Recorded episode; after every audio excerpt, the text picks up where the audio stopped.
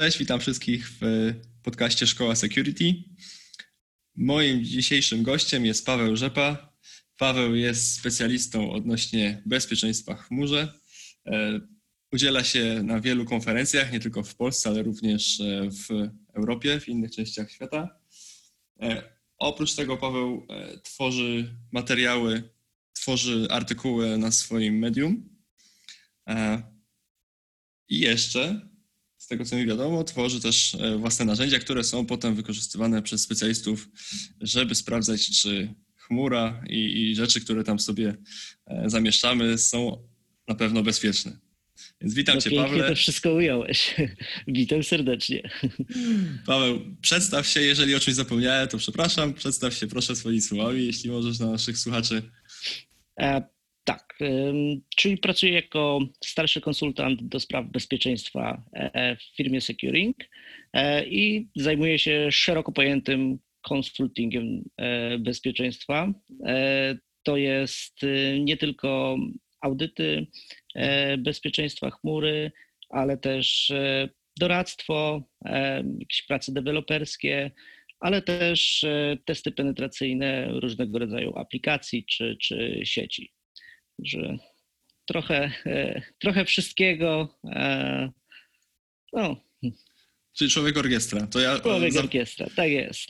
Ja zawęziłem z, z, chyba za bardzo, ale jak to już wspominałem e, przed rozmową, jak myślę o kimś, kto się zajmuje bezpieczeństwem w chmurze, no to przychodzisz mi pierwszy na myśl, więc jakby z tego najbardziej, najbardziej cię gdzieś kojarzę i znam z swoich produkcji. Paweł, powiedz mi, jak wyglądała w ogóle Twoja droga do tego miejsca? E, jak e, zacząłeś w ogóle przygodę z bezpieczeństwem? E, czy, czy to były jeszcze, no nie wiem, czasy IRCA, czy już może później jakieś studia? Jak to wyglądało? No, droga była na pewno długa i kręta. Nie było to, nie, nie byłem przypadkiem takim, że wyobraziłem sobie, że, że będę, będę pentesterem w wieku pięciu lat, tylko ten pomysł gdzieś zrodził się dopiero na studiach. E, natomiast szukając swojej pierwszej pracy, to było gdzieś 10 lat temu, e, no to niestety wtedy jeszcze na w portalach z pracą nie było, e, nie było za wielu ofert, a w zasadzie żadnej, przynajmniej we Wrocławiu. No a też nie byłem żadnym aż takim specjalistą, żeby mnie którakolwiek z firm się o mnie, o mnie zawalczyła. Więc początkowo E, zaczynałem od supportu, e, pracując a to z, z takimi systemami jak iSeries, e, a to z urządzeniami typu Deep Packet Inspection. Natomiast później już pojawiły się opcje, żeby spróbować swoich sił pracując w Security Operation Center. Później jeszcze od innej strony bezpieczeństwa poznawałem bezpieczeństwo jako audytor e, bezpieczeństwa w e, banku. Później z kolei jako deweloper e, przy Fazerze pisałem definicję protokołów pod phasing, development exploitów, aż w końcu e, zacząłem pracę jako pentester. Mm, no i w, jak już popracowałem parę lat jako pentester, e, to teraz e, pojawiła się nowa zajawka, e, czyli chmura. No to faktycznie dość długa i kręta ścieżka. No ale e, jak to oceniasz? Myślisz, że można sobie tak wskoczyć od razu e, w bezpieczeństwo czy, czy jednak lepiej jest mieć ten background trochę inny, jak na przykład, nie wiem, niektórzy zaczynają najpierw będąc adminami. Ja na przykład zaczynałem od bezpieczeństwa, ale e, od monitoringu, więc też trochę od innej strony. Mm, mhm. Ale ja akurat oceniam, że to, jest, to było dobre wyjście, bo jednak poznałem, jak wygląda to bezpieczeństwo właśnie z drugiej strony i potem e, będąc pentesterem mogłem to, to gdzieś tam jakoś tą wiedzę wykorzystywać. Jasne z perspektywy czasu wydaje mi się, że e, praca w bezpieczeństwie nie powinna być pierwszą pracą, e, że powinno się złapać ten e, jednak background deweloperski od strony administracyjnej, zobaczyć jak to wygląda i w, prędzej czy później to zacznie wychodzić. Te braki, które później będzie, będą, no będzie trzeba uzupełnić. Więc wydaje mi się, że, że nie powinno się zaczynać od security i dziś jak mógłbym swoją karierę pokierować jeszcze raz, to, to zacząłbym po prostu od deweloperki. E, natomiast czy było to złe? Wydaje mi się, że nie, bo z drugiej strony, z perspektywy czasu, wydaje mi się, że nabrałem, zdobyłem mega przekrojowego doświadczenia. Coś, czego prawdopodobnie bym no, nigdy nie poznał, gdybym był tylko w jednym czy w dwóch miejscach. Wspomniałeś tutaj o tym, że warto mieć też background e, w deweloperce jako deweloper. Mhm. Mógłbyś to rozwinąć? Tak, wiesz, bo jakby naszymi odbiorcami są ludzie, którzy gdzieś e, chcą się przebranżowić albo chcą rozpocząć swoją karierę w bezpieczeństwie i takie pytanie dość często pada, czy muszę być programistą, żeby e, pracować w bezpieczeństwie? Mhm. E, jasne. Przede wszystkim to pracując e, w deweloperce, w, jak w full stacku, e, to przede wszystkim poznasz, poznasz cały proces, jak wygląda praca programisty i tym samym bardziej ich zrozumiesz, a jako pentester no to współpracujesz z, deweloper, z deweloperami bardzo dużo. Druga rzecz jest taka, że przed programowaniem nie uciekniesz. Jako pentester dalej jest potrzeba programowania. To są może nie, nie y, jakieś skomplikowane programy, ale skrypty na co dzień to jak najbardziej zdarza się, że e, musisz je pisać. Czyli co? Bash, Python? Ja, ja, korzystam z, tak, z Basha, z Pythona, a w, najczęściej z Pythona.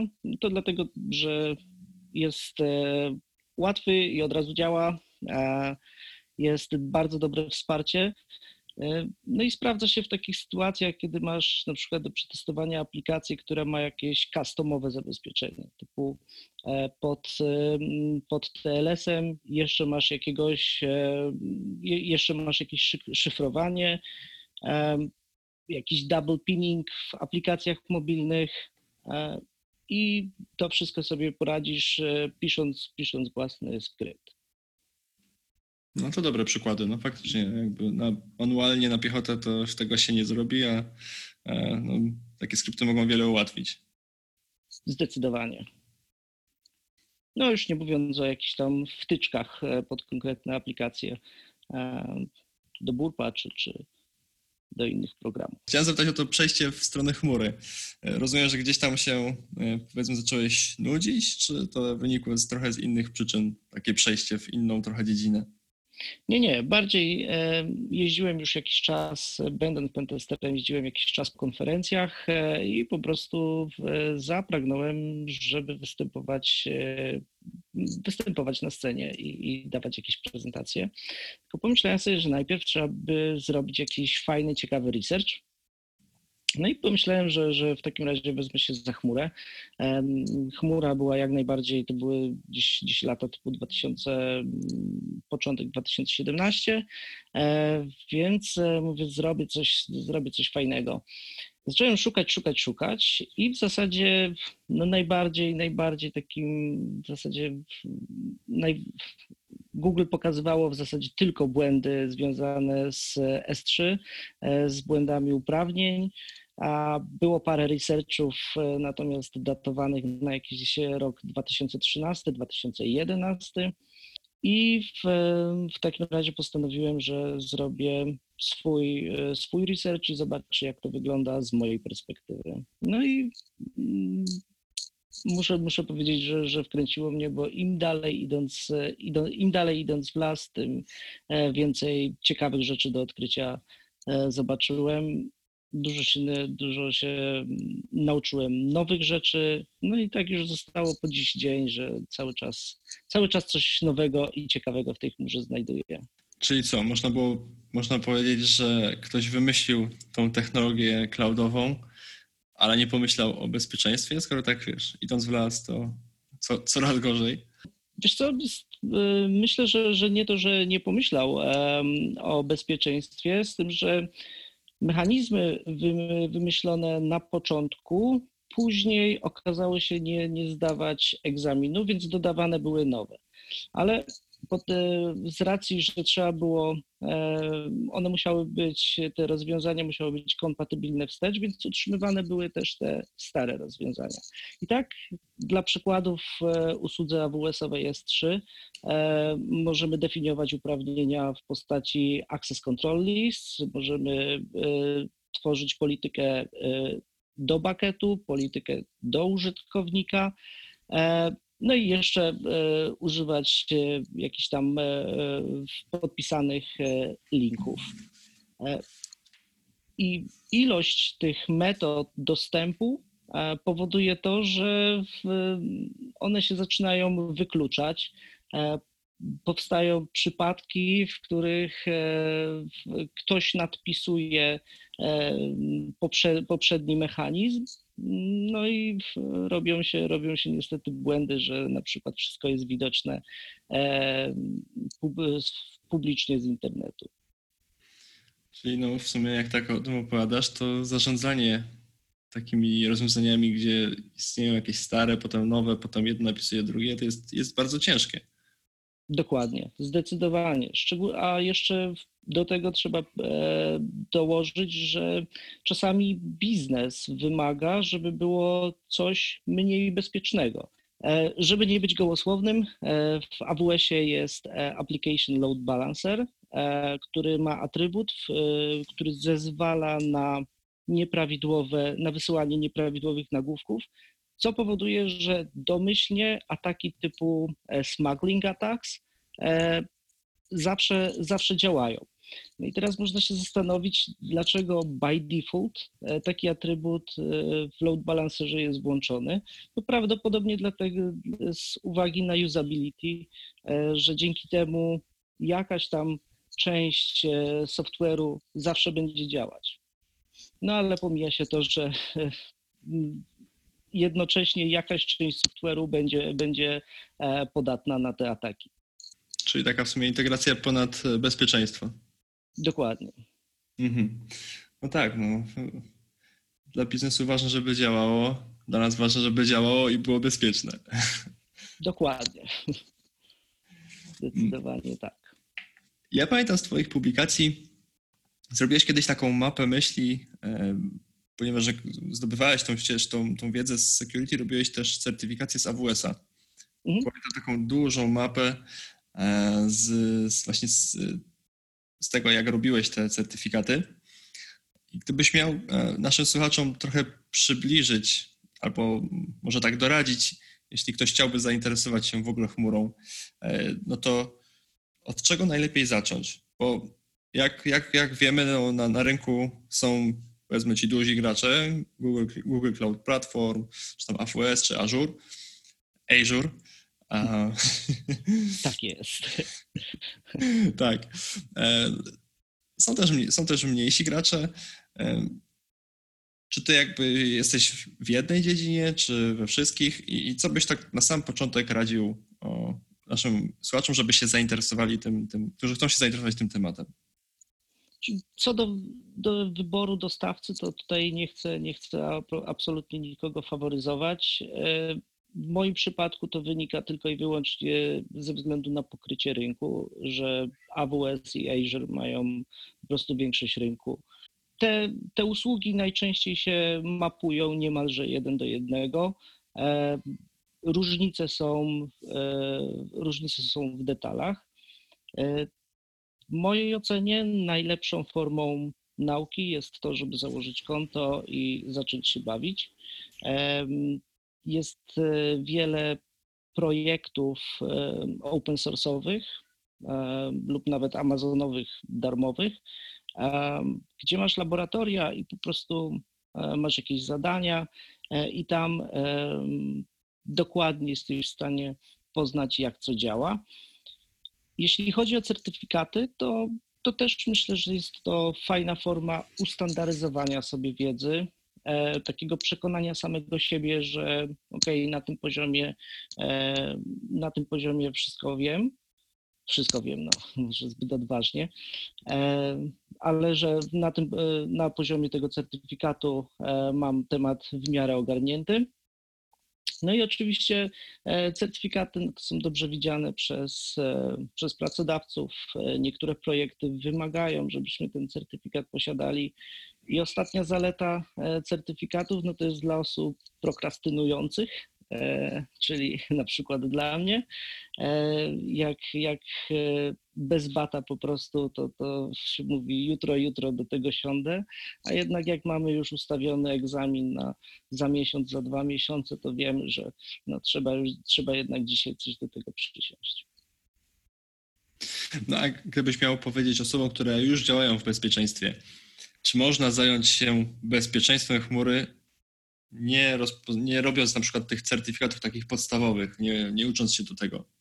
Czy jest taka ścieżka, czy to tak trzeba zacząć od samego Zdecyd- Myślę, początku? że zdecydowanie, zdecydowanie można, z tym, że to też trzeba zrozumieć, jak ta chmura jest wykorzystywana na co dzień przez, przez DevOpsów, przez, przez administratorów. Te certyfikaty trochę w tym pomagają, tylko, że to też jest tak, że często wykorzystujemy tylko skrawek chmury. To znaczy, teraz, jak, jak ostatnio gdzieś tam e, ktoś podliczył, w Amazonie jest ponad 200 usług. E, ponad 200 usług, bo w zasadzie nikt nie potrafi tego jednoznacznie określić. To znaczy, wsparcie dla poprzez AWS CLI to jest e, tam około 220. E, jeśli chodzi o uprawnienia, to można nadać do niecałych 200 usług, więc to jest tak mniej więcej ponad 200 usług jest. No i wiadomo, że e, nikt nie korzysta ze wszystkich e, tych usług, tylko z części, a wiele, wiele razy spotkałem się z sytuacją taką, że klienci korzystają w zasadzie tylko z kilku usług. Więc e, gdyby ktoś chciał wejść, to polecam przede wszystkim e, pobawić się tym, e, założyć sobie to konto freetierowe. Może, może to nie, wiem, nie, nie jest do końca zbyt etyczne, ale założyłem, ostatnio robiłem taki eksperyment i założyłem konto na jednorazową kartę kredytową no i tutaj e, mogę, mogę się podzielić, że e, dopiero po trzech miesiącach blokują to konto, czyli po trzech nieudanych e, próbach pobrania pieniędzy dopiero blokują konto. No to czyli masz trzy miesiące zabawy. Tak, nie, nie musi to kosztować dużo albo nawet w ogóle. Ja się podzielę taką historią. Założyłem sobie konto na AWS-ie. Korzystałem sporadycznie po roku dostaję maila z billingiem, a tam 60 e, dolarów do zapłaty. Ja mówię, kurczę, przecież ja w ogóle z tego nie korzystam przez ostatnie miesiące, w ogóle nie, nie odpalałem tam nic. No i się loguję, gdzieś tam odkopałem te kredensiale, loguję się, loguję, zerkam, mówię, nie ma nic, więc no cóż, no, wybieram sobie support, dzwonię, e, dzwonię, oni odzwaniają, pytają się o co chodzi, ja mówię, że no nic tam nie mam uruchomionego, naliczyliście mi 60 dolców, o co chodzi? Nie? No i pan mnie tam e, ładnie poinstruował, żebym sobie jednak zmienił re region. No i miałem maszynki po prostu w innym regionie gdzieś odpalone. Tam sobie działały i nabijały te koszty. Ale koniec końców historia się skończyła tak, że mm, no, powiedziałem, że no, mam je tam odpalone, ale praktycznie aktywności tam nie ma żadnych od paru miesięcy, nie? więc można byłoby coś zrobić z tą ceną. No i pan powiedział, że e, on od razu by to anulował, ale dział finansowy jeszcze musi to przełknąć. No i e, poprosił mnie o chwilę cierpliwości i tam dostałem potem takiego ładnego maila, że e, z racji tego, że faktycznie nie był używany, no to i tam anulują mi tą, tą, tą kasę. Nie? Więc no tak miłe zaskoczenie to, to, to, też e, słyszałem, że Amazon często idzie na rękę dla klienta i nawet jak są gdzieś e, bardzo popularny cryptojacking, e, gdzie po prostu ktoś tam gdzieś wykradł klucze i pozakładał mm, wiele kryptokoparek, Później ten rachunek urósł nie do 60, ale do jakieś tam ponad 100 tysięcy dolarów to i tak anulowali e, ten billing, no bo to był um, oczywisty um, atak. No to tylko się cieszyć i, i e, no, gratulujemy Amazonowi za takie proklienckie podejście. Tak. Natomiast odnośnie problemów wiszących zasobów, o których się zapomina, to chyba nie znam jednej osoby, która by się z tym problemem nie zmierzyła. Więc no ale tu się później właśnie pojawia e, to, że osoba dopiero po, po zmierzeniu się z takim problemem docenia e, najlepszą praktykę, żeby infrastructure as a code, że stawiamy wszystko kodem, a później to wszystko też zdejmujemy. No tak, no jak się już E, zatnie na tym, no to już będzie wiedzieć, nie? że trzeba posprawdzać te regiony i tak jak mówisz, no najlepiej robić to w ten sposób bardziej zautomatyzowany. Błędy nas uczą chyba lepiej niż cokolwiek innego, więc, a jeszcze jak trzeba zapłacić, jakieś mocniejsze nerwy się temu towarzyszą, to już wtedy na pewno zapamiętasz. Tak, to się zapamiętuje.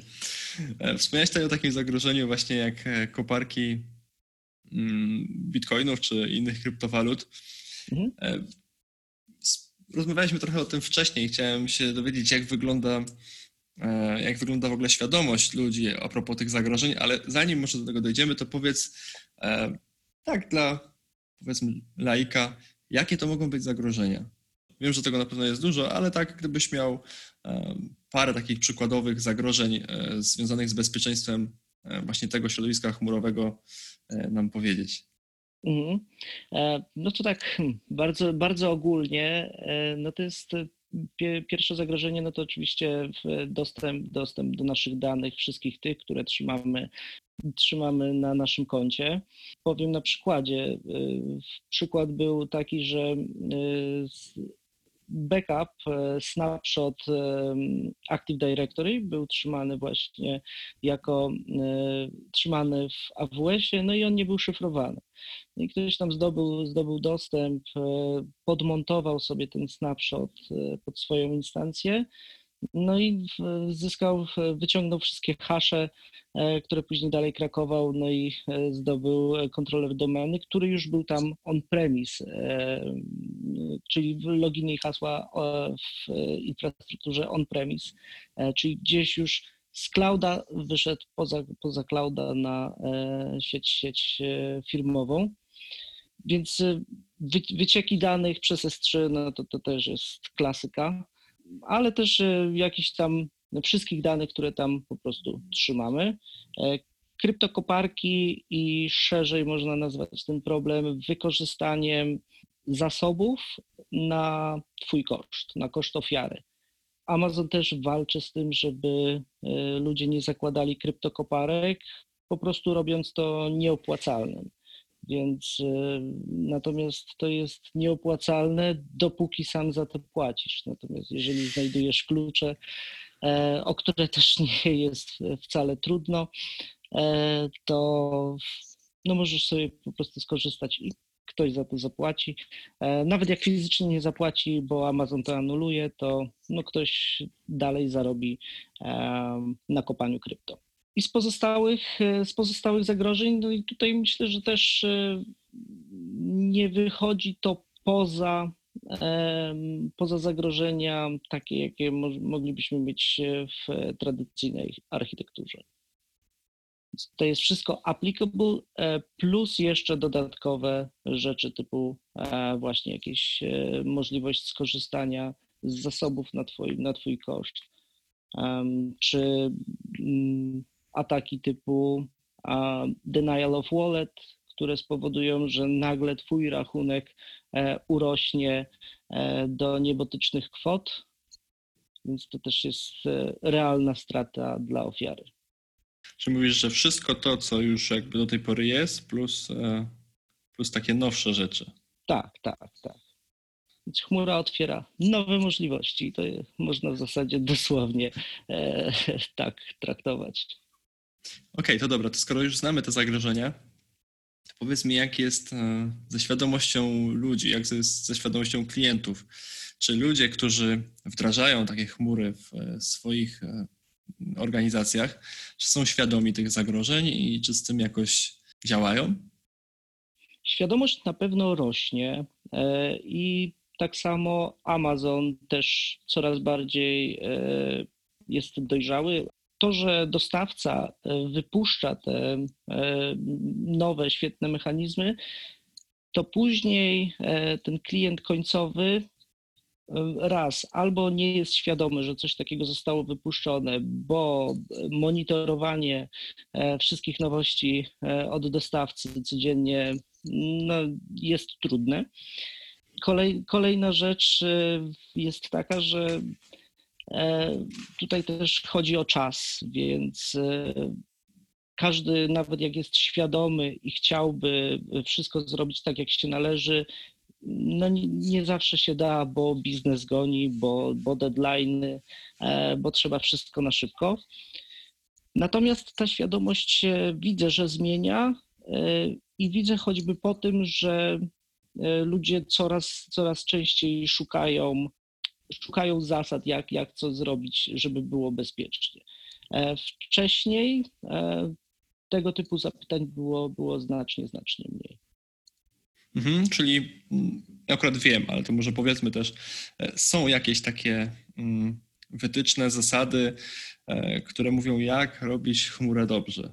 Zdecydowanie tak, taki nawet jest amazonowy e, dokument z, ze wszystkimi security best practices, może nie ze wszystkimi, ale z tymi najważniejszymi. E, ja też wypuściłem jakiś swój e, poradnik darmowy, gdzie, gdzie zebrałem jakieś tam najważniejsze rzeczy, e, które ogólnie możemy wprowadzić na swoim środowisku chmurowym. Mhm. No na pewno podlinkujemy gdzieś w notatkach do tego materiału, do Twojego poradnika. A jeśli mógłbyś jeszcze powiedzieć o innych źródłach, z których Ty czy Twoi koledzy korzystają odnośnie właśnie chmury? Czy są jakieś powiedzmy portale branżowe z security w chmurze? Korzystam na pewno z dwóch takich newsletterów. Może po prostu te, je wszystkie wymienimy później e, w notatkach. Na pewno Twitter, e, Slackowy e, kanał Cloud Security też jest kopalnia wiedzy. No i podcasty. I w zasadzie w, można by się zapytać, a dlaczego nie, zasadzie, nie, nie monitorować tylko to, co e, provider wypuszcza. No i tutaj moje doświadczenie pokazuje, że no niestety provider nie lubi się chwalić, e, że mu coś nie wyszło, e, a security researcherzy jak najbardziej chętnie się tym dzielą. No i jest jest przynajmniej e, kilka takich przykładów, gdzie, gdzie w dokumentacji amazonowej nie bardzo coś znajdziemy, a z kolei e, powoduje to bardzo duże e, zagrożenie. Tak, żeby, żeby też tak nie, nie mówić super ogólnie, to może, może dam przykład, dla mnie zresztą fascynujący, że w VPC AWS-owym domyślnie korzysta się z serwera DNS amazonowego. Jak się okazuje, ten serwer DNS w ogóle ruch przez ten serwer nie wychodzi przez e, interfejsy sieciowe, które my konfigurujemy, tylko przez ich wewnętrzne interfejsy. Co powoduje takie ryzyko, że jeżeli wytniemy e, dostęp do danej instancji e, przez security grupy, że nie da się, żeby jakikolwiek ruch internetowy wychodził z tej instancji, to i tak możemy wyjść właśnie tym DNS-em, ponieważ cały ruch jest e, rutowany przez, e, idzie do, do serwera amazonowego DNS, który idzie e, interfejsem, w którym już nie ma tych, nie obowiązują te security grupy. Którym już nie możemy zarządzać, tak? Nie możemy zarządzać i no i przez Amazon to nie jest traktowane jako jako bug, tylko oczywiście jako feature, ponieważ w dokumentacji jest to e, napisane, że faktycznie ten ruch nie jest logowany mm, i, i nie podlega e, właśnie security groupom. Ja gdzieś interesując się chmurą, e, spotkałem się z takim stwierdzeniem, że my jesteśmy bezpieczni, bo provider nam to, nam to dostarcza. Nie? Jakbyś mógł się odnieść do takiego stwierdzenia. Tak, tak, tak. To, to jeden z tych mitów, e, gdzie, gdzie e, właśnie wierzymy w ten piękny świat, gdzie e, wszystko zrobi za nas provider. No otóż nie. Jest to nawet ładnie regulowane przez tak zwany Shared Responsibility Model, gdzie provider jasno określa, że zajmuje się bezpieczeństwem faktycznie swoich infrastruktury, natomiast cała konfiguracja i bezpieczeństwo danych jest już po stronie klienta. Więc jeżeli klient e, nada publiczne uprawnienia e, do wszystkich obiektów w bakecie, to te wszystkie obiekty e, w bakecie no, są widoczne, pomimo tego, że, że sama usługa no, no, no, nie jest podatna. Tam nie da się wyskoczyć z jednego baketu do drugiego. Więc to jest, no cóż, mocne niezrozumienie tego konceptu modelu bezpieczeństwa w chmurze. E, no i oczywiście nie róbmy tak. Pamiętajmy, że jednak e, bezpieczeństwo zawsze zależy od nas. No i e, jeżeli, jeżeli my mamy jakiś problem wycieku, no to później gdzieś tam do, docieranie do dostawcy i próba oskarżania go, no to niewiele nam pomogą. Tak, i też myślę, że powinniśmy no po prostu, tak jak w ogóle w życiu, mieć e, ograniczone zaufanie. Nawet jeśli on gwarantuje, że jest bezpieczny, no to no cóż, sprawdźmy to, nie? Tak, tak. Natomiast ze swojego doświadczenia mogę powiedzieć, że e, często jest tak, że e, ludzie coś sobie eksperymentują, a podczas tych eksperymentów powstaje wiele tych zasobów, Później się o nich zapomina, bo nagle przyszła 17, czas do domu. E, I one tak wiszą. I one tak wiszą i często właśnie robiąc, e, robiąc przegląd e, bezpieczeństwa chmury, to w, widzę jakieś wiszące zasoby w, z publicznym dostępem, że, że każdy, każdy może tam wejść i gdzieś tam dalej eskalować atak. E, no i zawsze jest tłumaczenie takie, o, to, to było dawno temu, to faktycznie o tym zapomnieliśmy. E, I jakby mało kto robi inwentaryzację e, zasobów swoich w chmurze, czyli innymi słowy, mało kto wie, co ma dokładnie w chmurze. No, to się zdarza nawet w takich oldschoolowych e, serwerowniach, czyli w chmurze jest podobnie, tak? Ktoś sobie no coś tak, wystawi, tak. zostawi. No to było kiedyś, bo ktoś coś potrzebował. No, nie wyłączyliśmy no, tego. Zgadza się, więc, więc dokładnie, dokładnie ten problem też jest fajnie przeniesiony do chmury. Niewiele się zmienia. Czyli właściwie taka inwentaryzacja mogłaby w wielu przypadkach e, no, po prostu załatwić sprawę. Tak, tak. No nawet, no nawet są jakieś mechanizmy e, radzenia sobie automatycznego z tym typu. E, jeżeli zasób e, jest powiedzmy od, od roku, nie ma jakiejś, jakiegoś tagu oznaczonego, że nie ruszać, to po prostu odpali się lambda, która dany zasób usunie. Mhm. Jeszcze tylko chciałem podpytać, mówiliśmy o tej świadomości klientów, ale jakbyś miał tak powiedzieć, e, czy w Polsce w ogóle e, jest duże zapotrzebowanie e, na usługi typu właśnie security w chmurze, czy to bardziej są klienci, którzy są gdzieś na świecie? I, I na świecie, i u nas. Dlaczego się zastanawiam? Otóż Polska, jeśli chodzi o migrację do chmury, jest w ogonie Europy, to znaczy na drugim miejscu od końca. E, pod kątem migracji. To oznacza dla, dla nas, dla mnie, osoby, która zajmuje się tym, że to zapotrzebowanie będzie jeszcze bardziej ważne, e, jeszcze, jeszcze większe w przyszłości, dlatego że coraz więcej firm będzie wchodzić do chmury, więc to zapotrzebowanie po prostu będzie, e, no nie będzie rosło liniowo i w, i w Polsce, i, w, i za granicą dalej widzę, to, widzę tą potrzebę, więc myślę, że, że no, to, są, to są kompetencje, skille, które na pewno będą w cenie w ciągu najbliższych lat. No, trochę powinienem to, to pewnie spytać wcześniej, ale tu ładnie to wyszło, skoro mówisz, że Polska jest na drugim miejscu od tyłu to skąd w ogóle takie e, zacofanie? Dlaczego jeszcze, jeszcze tego mechanizmu wcześniej nie odkryliśmy? To nie jest jakby nowa rzecz, super nowa rzecz. Czy jesteśmy bardziej, nie wiem, zachowawczym narodem i nie ufamy tej technologii? Nie chciałbym tutaj generalizować i, i wrzucać e, wszystkich e, problemów do jednego wora. E, natomiast no, pojawiają się takie problemy na przykład w branży finansowej, że branża finansowa, choć chciałaby wejść mocno w chmurę, no to nigdy nie może sobie pozwolić na to, żeby wejść w taką publiczną chmurę, jaką jest na przykład Amazon czy, czy AWS czy Azure, bo nie pozwala na to regulator.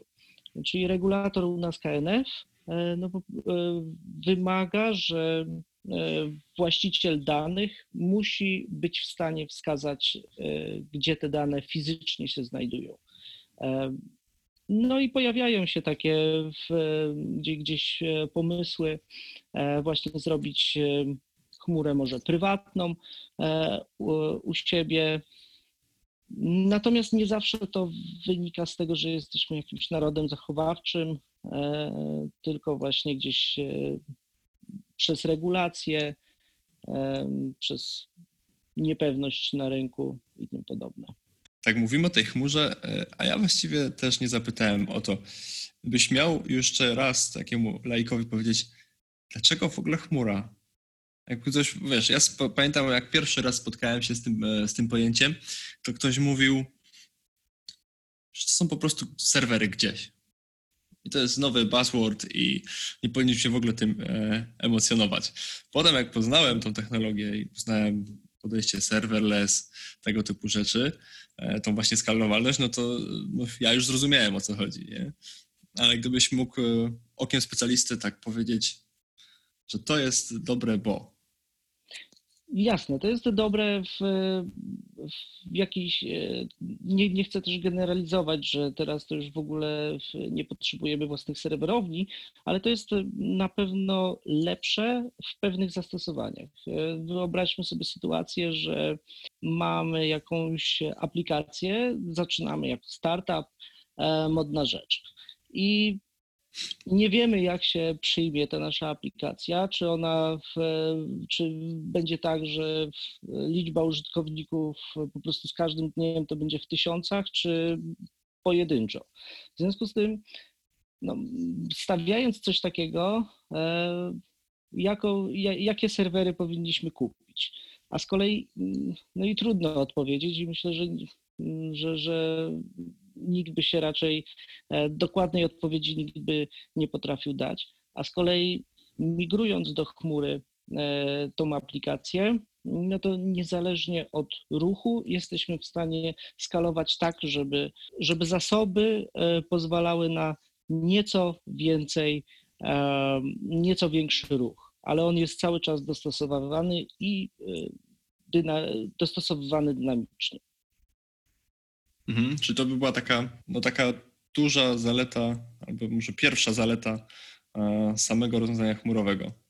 Tak jest, dokładnie. No i to są e, duży, duża oszczędność kosztów, e, szczególnie jak wchodzimy w projekt, który nie wiemy, czy on tam, czy on długo będzie, to będzie długofalowy projekt, czy go zaoramy po pół roku.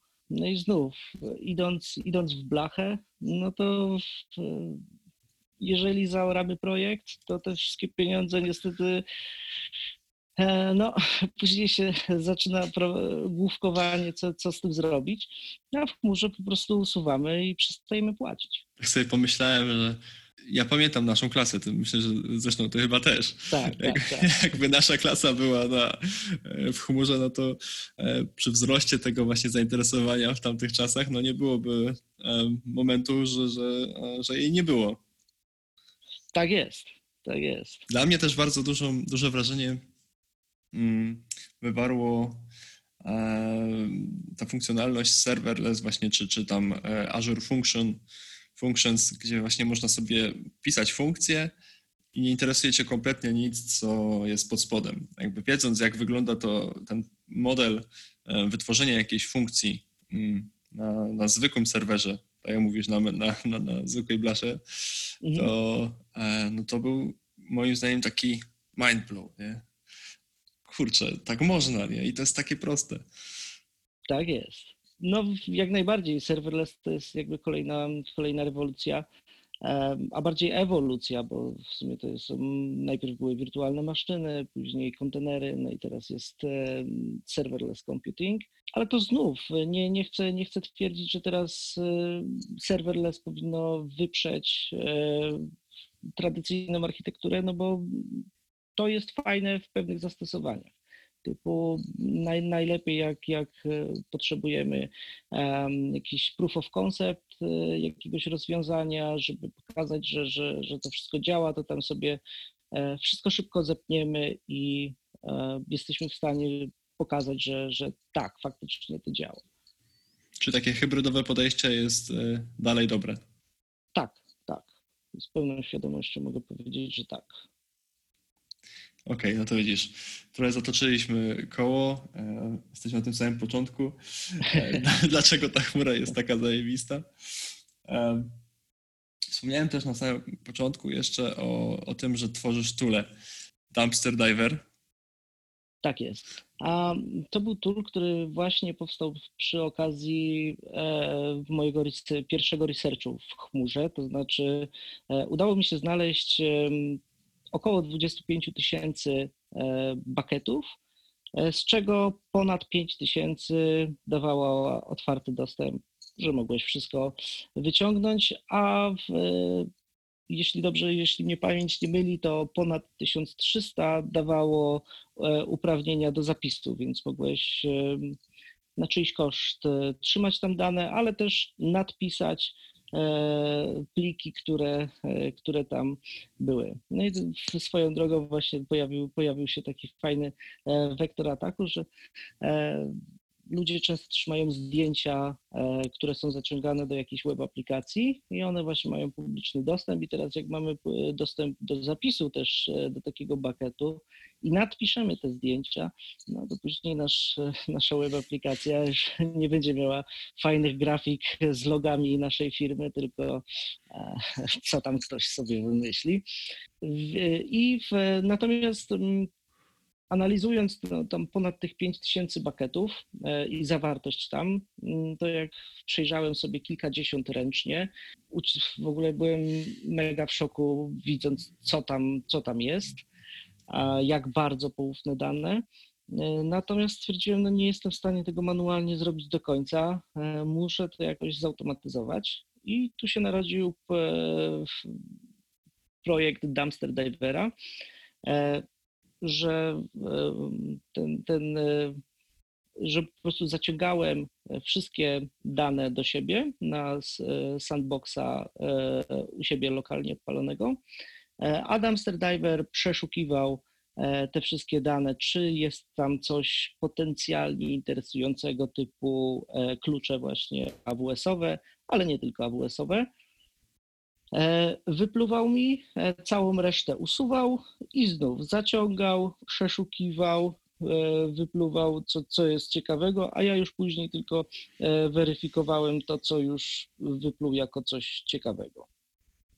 No i mogę się pochwalić, że faktycznie oprócz wielu false pozytywów, to jednak było też bardzo sporo rzeczy, które nigdy nie powinny być publiczne.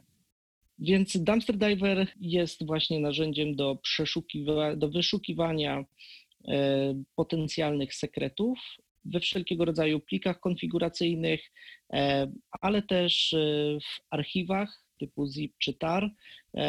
To sobie je rozpakuje, a następnie przeszukuje te wszystkie dane. Czy nawet jak są mm, backupy repozytoriów to też, też mi się udało znaleźć e, i takie, takie backupy, e, w których było po prostu w, właśnie dostęp do logów Gita i w, w poprzednich komitach z kolei e, można było wyciągać klucze. No właśnie z tych logów, logów Gita to wynika, że no cóż, no nic się w internecie nie traci. Tak jest, tak jest pomimo, że coś, coś można, może być niewidoczne, a jednak tam jest. No i teraz Dumpster Diver będzie miał swoją drugą odsłonę, e, bo, bo w, e, właśnie porobiłem kilka, kilka nowych mm, update'ów, aktualizacji, no i, i wkró wkrótce, e, wkrótce będzie nowa, jego nowa wersja. Super, to na pewno podlinkujemy. Będziemy czekać na aktualizację. Myślę, że nasi słuchacze skorzystają. Paweł, wiem, że często też występujesz na jakichś konferencjach czy meetupach, czy też sam tworzysz meetup e, w, we Wrocławiu. Gdzie w najbliższym e, czasie nasi słuchacze mogą Cię zobaczyć, posłuchać? Na pewno we Wrocławiu e, na spotkaniu owaspowym, które będzie w lutym, ale jeszcze dokładnej daty nie znam. E, więc to na pewno będziemy ogłaszać na e, grupie meetupowej Owas Poland. Co do jakichś większych wydarzeń, to trudno mi powiedzieć, ponieważ dzisiaj rozsyłałem Call for Papers i Call for Training, więc zobaczymy, gdzie, gdzie, gdzie jeszcze, gdzie uda się w tym roku e, wystąpić. No, na razie nic, nic nie mogę zdradzić. Ale jak rozumiem, to nie tylko Polska, ale też e, świat. Tak, tak, jak najbardziej. Super, super, że wychodzisz z takimi inicjatywami poza, poza nasze granice. To jeszcze podpytam, gdzie ludzie mogą Cię znaleźć? Tak, żeby mogli ewentualnie podpytać jeśli w ogóle mogą podpytać Cię o chmurę i o e, jakieś porady. Jak najbardziej zapraszam wszystkich e, do kontaktu. Nie zawsze odpisuję od razu, ale z reguły odpisuję wszystkim. Więc można mnie znaleźć na Twitterze i na LinkedInie, ale też zachęcam do odwiedzenia mojego bloga na Medium E, linki pewnie damy w notatkach. Tak, tak, wszystko, wszystko to e, uwzględnimy w notatkach poniżej. E, tam spoza, takie pytanie spoza może bezpieczeństwa. Jest, są, masz jakieś zainteresowania, które nie wiążą się z komputerem i, i z chmurą i z bezpieczeństwem? Tak, żeby całkiem zapomnieć o komputerze, to e, jestem myśliwym, e, więc jeżdżę, jeżdżę na polowania. No i tam e, to sobie można łatwo zapomnieć o komputerach, telefonach i, i całej technologii. I to są takie wyjścia, nie wiem, parogodzinne, czy bardziej takie, że nie wiem, zostajecie w lesie i, i gdzieś w nocy polujecie, czy coś takiego? Nie, nie, raczej, raczej paro, parogodzinne. E, no natomiast indywidualne, dłuższe też się e, czasami, czasami zdarzają. No kurczę, no to ciekawa, e, ciekawa pasja. Bo ja też, wiesz, a propos świata podcastingu, no to bardzo lubię Tima Ferrisa, też polecam ci, bardzo fajny podcast ma. Zawsze też pada tam takie pytanie, gdybyś miał billboard w gdziekolwiek byś chciał, nie? Czy to w centrum miasta, czy no, gdzie chcesz, nie? To co by mhm. tam było napisane? U, um... Może to być też po prostu przekaz, a przekaz po prostu dla naszych słuchaczy, nie? Mm, to umieściłbym tam bądź odważny. Bądź odważny, bo e, pamiętam jak e, kiedyś, e, no, ponieważ zmieniałem trochę często te prace i w związku z tym miałem dużego doła i spotkałem, była tam reklama jednego portalu mm, z ofertami pracy. Gratulujemy odważnym. I wtedy sobie tak myślałem, no coś w tym jest. Nigdy tak naprawdę nie trafimy na idea, na idealnego kandydata. No może nie to, że nigdy, ale rzadko kiedy trafia się idealny kandydat. Kiedy patrzy się na ogłoszenie, e, to często się myśli, no nie, to nikt mnie nie weźmie. E, I wtedy miałem właśnie pierwsze, e, pierwsze ogłoszenie na pentestera, a, a zawsze chciałem być pentesterem. I wysłałem tam to CV, e, trochę bardziej myśląc, że nie, to na pewno się nie uda. No ale koniec końców wszystko się udało, więc e, myślę, że te nasze obawy często nas mocno ograniczają. Stąd wrzuciłbym taki, e, taki truizm, bądź, bądź odważny. No tak, no wiesz, kolejnym truizmem jest, że wiesz, wszystko siedzi w naszej głowie, nie? te ograniczenia. ale jest to prawdą. No. Tak, tak, zgadzam się z tym i, i e, no, staram się, żeby było ich jak najmniej. Super, Paweł. będziemy już kończyć. Ja bardzo Ci dziękuję e, za tą dzisiejszą rozmowę. Myślę, że wielu naszych słuchaczy no, zapozna się e, po niej z tymi technologiami, o których mówiłeś. Zapozna się pewnie też z Twoją twórczością. Życzę Ci sukcesów w tym nowym roku, żeby wszystkie te call for papers e, były pozytywne, e, czy, czy call for trainings, e, żebyś mógł występować jak najwięcej i dzielić się tą wiedzą i budować to nasze piękne community. Dziękuję. Ci bardzo. Wszystkiego dobrego. Dzięki jeszcze raz. Dzięki wielkie, wszystkiego dobrego, do usłyszenia. Trzymaj się, cześć.